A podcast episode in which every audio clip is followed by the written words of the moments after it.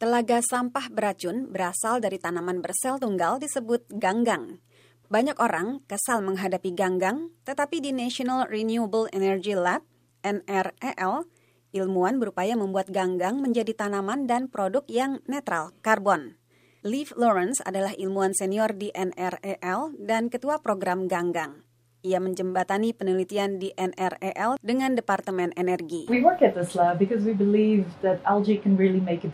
Kami bekerja di laboratorium ini karena kami percaya bahwa ganggang benar-benar bisa bermanfaat. Ganggang bisa bermanfaat karena kalau tumbuh di air dangkal sebagai tanaman, efisien dalam mengubah sinar matahari dan karbon dioksida menjadi bahan baku yang dibutuhkan untuk pangan, produk-produk, dan bahan bakar. So you can pull trucks up and over the Rocky Mountains. You can fly airplanes and people have. Sehingga kita bisa mengendarai truk dan menerbangkan pesawat. Pesawat kini bahkan sudah ada yang terbang dengan campuran bahan bakar ganggang. Ilmuwan menganalisis produksi ganggang di laboratorium. What we have here are cyanobacteria. These are actually genetically engineered. Di sini terdapat cyanobacteria. Bakteri-bakteri ini sebenarnya hasil rekayasa genetika untuk menghasilkan sejenis minyak yang sangat kental, berlilin. Ilmuwan juga menguji ganggang di udara terbuka.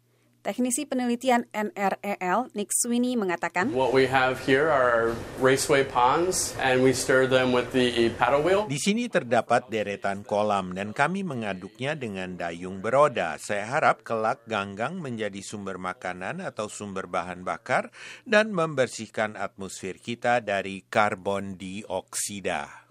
Lawrence mengatakan ganggang memiliki semua potensi itu. Bahkan banyak varietas ganggang bisa tumbuh tanpa air. So what you might find on the shelf in the algae store, you might find soles for shoes. Jadi nantinya, dari ganggang kita bisa membuat sol sepatu dan kursi khusus untuk anak di mobil atau car seats. Saat ini banyak plastik yang setiap hari digunakan tidak bisa terurai secara alami. Plastik-plastik itu tetap ada sampai ratusan tahun. Plastik yang akan kami buat, busa, car seat, sol sepatu, sangat mungkin bisa terurai secara alami. Memproduksi bahan bakar ganggang masih jauh lebih mahal dibandingkan memproduksi bahan bakar fosil.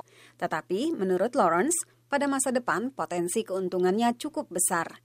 Dalam 10 tahun ini, ia memperkirakan bahan bakar, makanan, dan produk-produk dari ganggang bisa didapat dengan mudah.